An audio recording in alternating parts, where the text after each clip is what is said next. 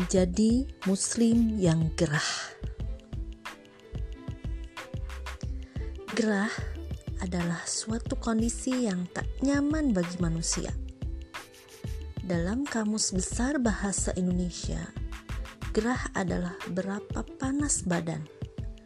Namun, bila diimbuhi morfem kean, yakni kegerahan, maka maknanya bisa jadi lebih luas, yaitu merasa tidak tenang karena ada sesuatu yang mengusik, merangsang, mengganggu, dan sebagainya. Atau bisa juga merasa ingin bergerak, bertindak, meninggalkan tempat, dan sebagainya. Poin pentingnya, gerah tak muncul tiba-tiba yang muncul akibat rangsangan yang hadir dari luar diri manusia.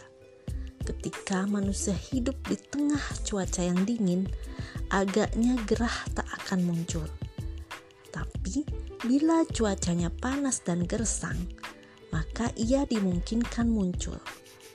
Sementara dalam konteks kata gerah yang telah dibubuhi kean alias kegerahan, maka kata gerah bisa bersifat lebih luas. Gerah bisa muncul ketika manusia ada yang mengganggu, misal memalak, melakukan bully, dan mengolok-olok. Gerah juga sejatinya menuntut manusia menjadi makhluk yang tak pasif, alias diam. Kalau manusia kegerahan, rasa-rasanya tak nikmat bila hanya diam saja. Diam akan membuat manusia tak nyaman, dan karenanya manusia akan mencari cara untuk berlepas diri dari kegerahan.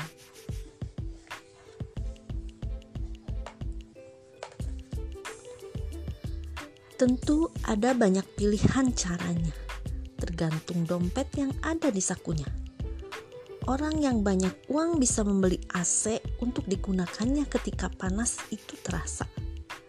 Ber segar rasanya. Kalau kebetulan dompetnya tipis, manusia bisa membeli kipas angin atau meminjam kulkas milik orang lain untuk dirasakan hawa dinginnya.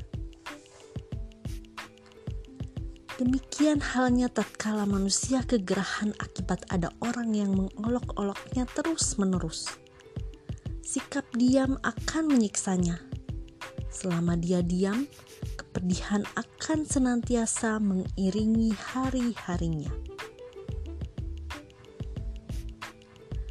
Misalnya, ada anak-anak yang dibully atau dilecehkan oleh orang yang lebih tua. Namun, tak melaporkan apa yang dialaminya pada ibu, bapak, atau pak polisi, maka secara psikis ia akan menderita.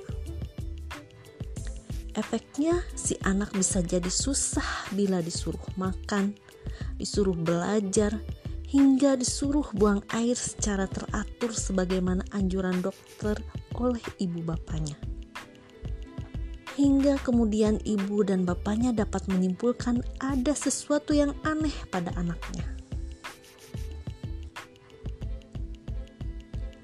Tentu beda hal jika anak tersebut tak diam, tapi melakukan suatu perbuatan. Misalnya bercerita pada ibu dan bapaknya, atau melaporkan pengolok-olok atau pelaku pelecehan yang melecehkannya kepada pak polisi anak tersebut meski traumanya butuh waktu untuk hilang, tapi setidaknya hatinya akan tenang dan lepas dari rasa gerah. Demikian halnya bila ada di antara pembaca yang diganggu oleh seorang yang otaknya tak waras, alias orang gila.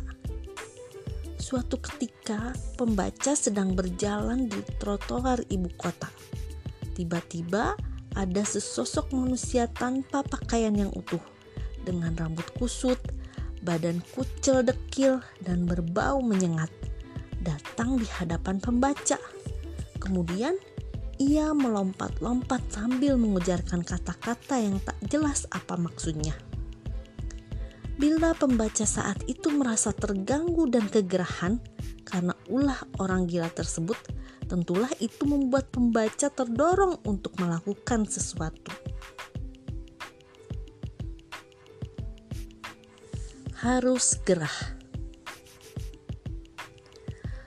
Kerusakan yang ditimbulkan sebagai efek dari tegaknya peradaban kapitalisme memang sangat luar binasa.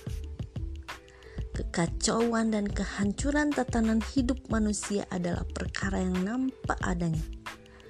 Kemaksiatan merajalela di mana-mana dan berubah menjadi sesuatu yang seolah biasa, membuat kehidupan umat Islam tak lagi sejuk, tapi gersang. Hak Allah sebagai zat yang menetapkan hukum syara hari ini diambil oleh sebagian besar manusia yang lancang. Manusia sekarang menetapkan aturannya sendiri. Baik dan buruk ditentukan seenak dengkulnya tanpa berpijak pada apa yang telah Allah Subhanahu wa Ta'ala tegariskan sehingga berbagai hal yang bertentangan dengan hukum Islam pun nampak begitu jelas menyebar di tengah kehidupannya. Hal ini terjadi sejak paham sekularisme yang lahir di barat menjangkiti segenap kaum muslimin. Lebih-lebih selepas kaum muslimin kehilangan negara khilafah pada tahun 1924.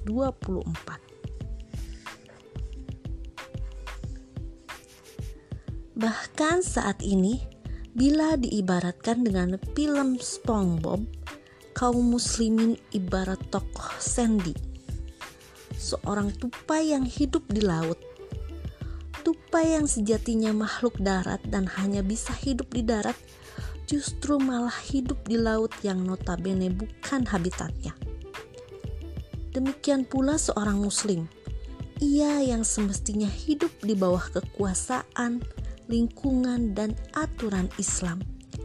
Justru kini hidup di tengah dunia yang penuh kemungkaran, menemui dan menghadapi apa-apa yang sejatinya tak sama sekali sesuai dengan prinsip hidupnya sebagai seorang Muslim.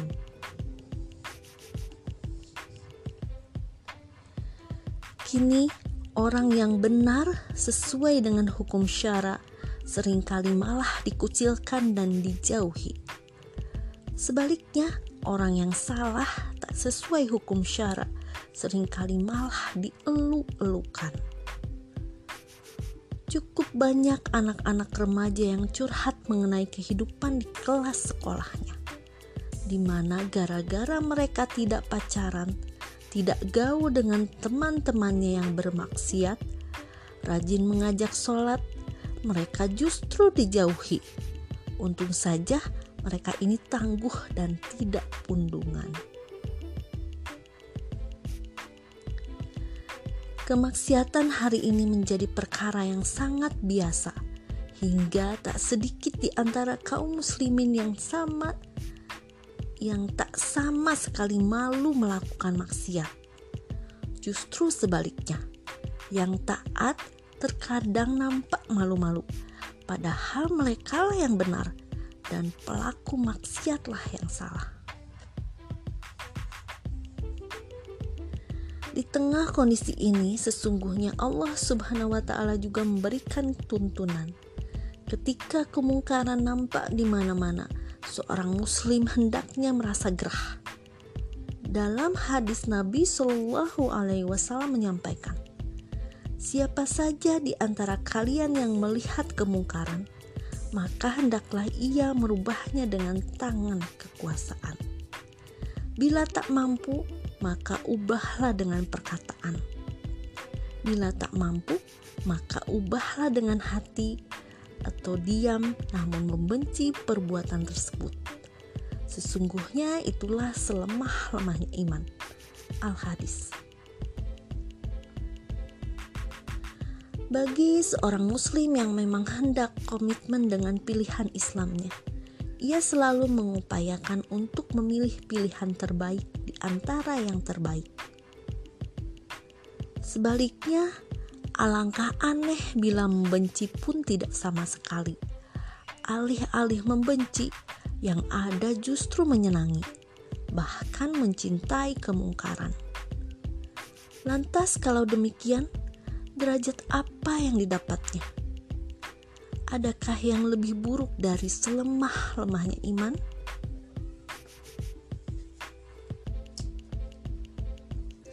Meski demikian, yang kita saksikan tak sedikit bahkan boleh dikatakan banyak. Muslim yang model seperti ini. Ia tak sama sekali merasakan gerah dengan kemungkaran yang nampak di hadapannya. Bahkan, ia menjadikan kemungkaran sebagai hiburan yang disenanginya. Lebih parah lagi, malah terlibat di dalamnya.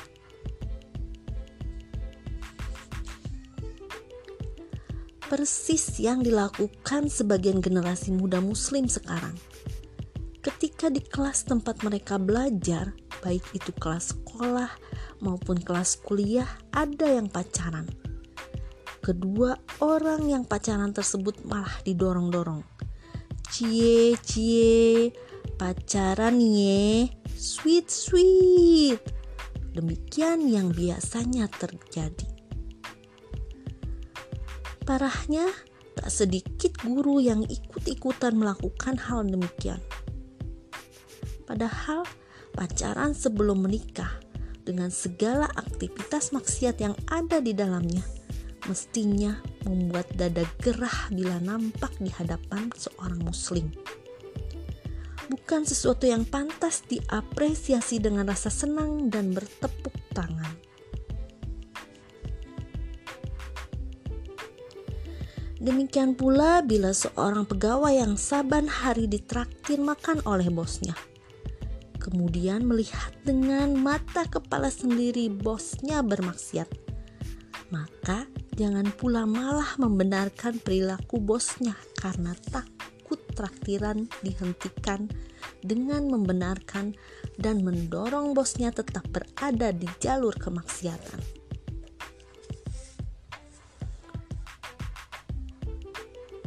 Hal tersebut jelas adalah hal yang tak layak dilakukan seorang Muslim. Sikap minimal seorang Muslim adalah diam dengan membenci perilaku maksiat tersebut. Ia harus merasa kegerahan, hingga dengannya ia terdorong untuk bergerak melakukan perubahan, melenyapkan kemungkaran, dan mewarnai dunia dengan kebenaran. Terkait hal ini, Sesungguhnya salah seorang ulama bernama Imam Ibnu Abdil Bar pernah menyampaikan nasihat yang sangat menyentuh hati. Saudaraku, sesungguhnya di antara manusia itu ada yang seperti binatang. Mereka sangat sibuk ketika musibah menimpa urusan dunianya. Namun mereka diam saja ketika musibah itu menimpa agamanya.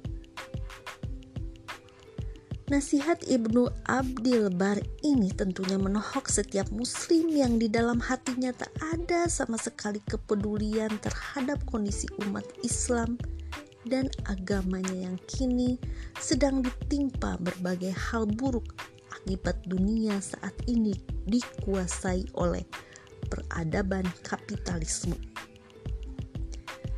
Di mana di tengah peradaban ini Islam dilecehkan, nabinya dihinakan, ajarannya dicampakkan, dan umatnya dicerai beraikan. Dikutip dari buku Parodi Kapitalisme karya Parhan A.